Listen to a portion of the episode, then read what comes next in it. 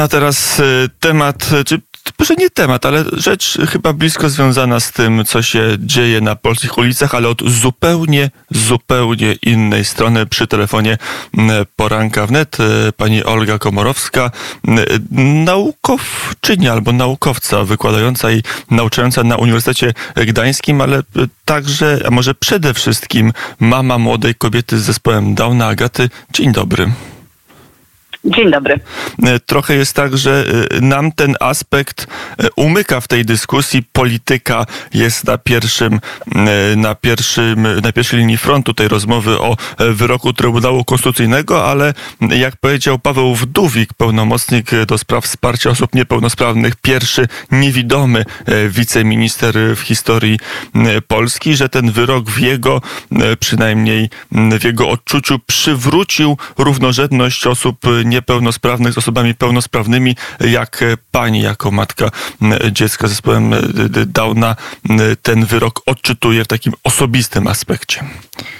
E, w osobistym aspekcie, ale powiem też może troszeczkę szerzej, dlatego że tak jak Pan mnie tutaj ładnie przedstawił, e, ja robię też badania wśród e, rodzin opiekujących się osobą niepełnosprawną i to wśród rodzin, które mają dzieci, ale też również osoby dorosłe. Ostatnio właśnie napisałam książkę z kolegą na temat jakość życia rodzin z dorosłą osobą z niepełnosprawnością intelektualną, więc mam duży przekrój rodzin, e, niepełnosprawności i, ja to widzę być może troszeczkę szerzej, nie tylko w swoim kontekście. Mm, natomiast jeżeli chodzi o moje spostrzeganie, to w przypadku, jeżeli są wady letalne, to zostawiłabym wybór kobiecie, e, ponieważ wiem, z czym to się wiąże i psychicznie, i potem e, w przypadku też opieki, czego brakuje, jakie to jest obciążenie nie tylko dla kobiety, ale dla całej rodziny, dla rodzeństwa nawet takich osób, więc to jest taki bardzo skomplikowany, skomplikowany proces, gdzie my skupiamy się de facto tylko w tej chwili na kobiecie, a ja to patrzę też troszeczkę szerzej. E, I znam bardzo dużo kobiet, które z wiedzą, e, ze świadomością, że takie dziecko noszą sobie, nie podjęły decyzji o aborcji, tylko urodziły takie dziecko. Mm, natomiast też mogę sobie wyobrazić, że są osoby, które, kobiety, które yy, nie będą w stanie tego udźwignąć. I też tutaj mówimy o decyzji kobiet, a to jest dla mnie decyzja rodziny, bo kobieta no, nie jest y, jedyną osobą odpowiedzialną w tym momencie za to przyszłe dziecko, więc tutaj ojcowie y, też mają y, głos decydujący. Albo mm. głos istotny, o czym często się w dyskusji zapomina w ramach strajku kobiet, jak to jest nazwane. Tak. Chociaż ja tylko przejdę do bezdusznej statystyki, mhm. bo e, ta statystyka pokazuje, że jednak najczęstszą aborcją ze względów na trwałe uszkodzenie płodu, czyli tej trzeciej przesłanki, e, nawet nie są wady letalne, tylko jest podejrzenie, bo to nigdy, nigdy nie jest pewność tego, mhm. że dziecko ma zespół Downa właśnie. E, znaczy ja widziałam takie statystyki, że nie najczęściej, więc tutaj może kwestia, jak, jak, się rozłoży. Jak się rozłoży. W każdym razie no, przypadki zespołu Downa oczywiście też takie są. E, ja tutaj akurat w przypadku osób z zespołem Downa, no to byłabym przeciwna mm, dokonywania aborcji, ale e, jeżeli chodzi o zespół Downa, to też trzeba sobie zdawać taką rzecz sprawę, że są różne... Mm, różne jakby obciążenia związane z osobą z zespołem Downa i różna jest niepełnosprawność intelektualna, bo nawet te osoby, które widzimy gdzieś w przestrzeni publicznej, jak na przykład Down the Road w świetnym programie, który bardzo ładnie łamał stereotypy, to tam funkcjonowały osoby wysoko funkcjonujące, a mimo to nie były do końca samodzielne, a musimy sobie też zdawać sprawę, że tych osób jest, no po prostu w nich jest przekrój taki, że to są osoby, którymi trzeba się też zajmować, nie można ich w domu zostawić e, samych, e, one nigdzie same nie pojadą. I teraz do czego ja zmierzam? Do tego, że gdyby taka matka, ja to nawet na swoim Instastory na Instagramie mówiłam, że gdyby taka matka dowiedziała się, e, będąc w ciąży, że będzie miała dziecko z zespołem Downa i ona by miała świadomość, to jest przyszłość, to jest takie moje marzenie o przyszłości, e, miałaby świadomość, że społeczeństwo tą osobę, to jej dziecko zaakceptuje, że ono będzie miało wsparcie, ale nie tylko ono będzie miało wsparcie jako osoba, jako dziecko z zespołem Downa, tylko też matka będzie miała y, wsparcie, dlatego że dzisiaj, jak na przykład rodzi się dziecko z niepełnosprawnością, czy z steropokończynowym porażeniem mózgowym, czy zespołem Downa, obojętnie, to jest wsparcie dla takiego dziecka. Y, rodzina jako jednostka społeczna jest zostawiona sama sobie. Ona musi sobie sama radzić y, z tymi procesami, które w niej zachodzą, a procesy są bardzo trudne, bardzo, bardzo trudne e, na różnej płaszczyźnie i finansowej, i psychologicznej, i relacji. No to jest po prostu, jak ktoś w tym nie siedział, to, to nie wie, to jest na dłuższą jakby rozmowę temat. E, a matka, która jest w tej całej jednostce rodzinnej tak najbardziej związana z tym dzieckiem, bo ona je urodziła, ona je nosiła, e, tam hormony grają różne role, ona też jest zostawiona sama sobie i nie ma wsparcia, ani jak to dziecko jest małe, ani później jak to dziecko dorasta i nie ma wsparcia też w takim doradztwie, gdzie można pójść, co można zrobić.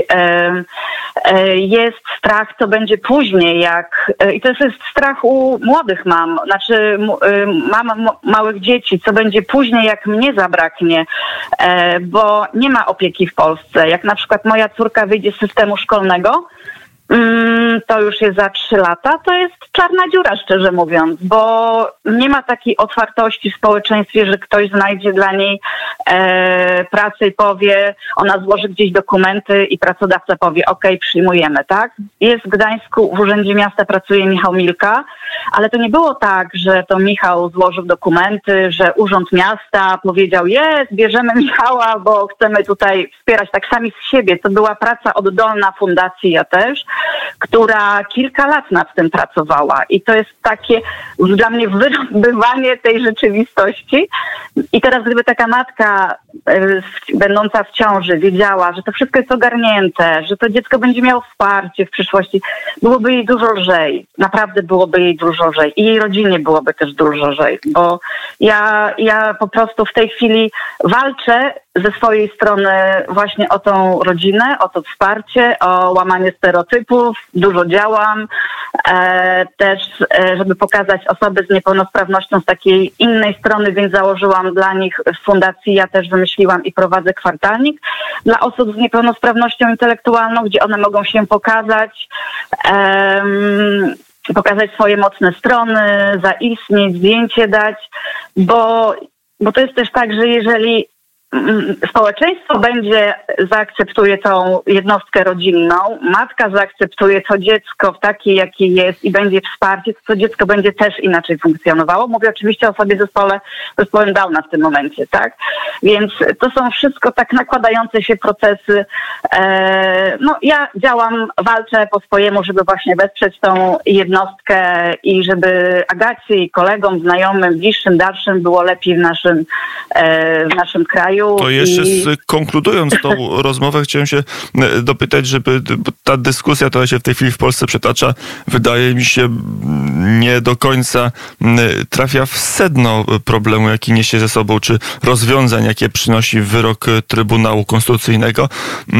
Na ile w tej dyskusji e, widzi Pani takie aspekty, że państwo będzie szerzej pomagało rodzinom i osobom niepełnosprawnym? E, na ile te prace idą w kierunku tak, aby kobieta, która urodzi chociażby dziecko z zespołem Downa, była e, pewna, że ma wsparcie, a także, że to dziecko nie zostanie samo sobie, kiedy jego najbliżsi umrą.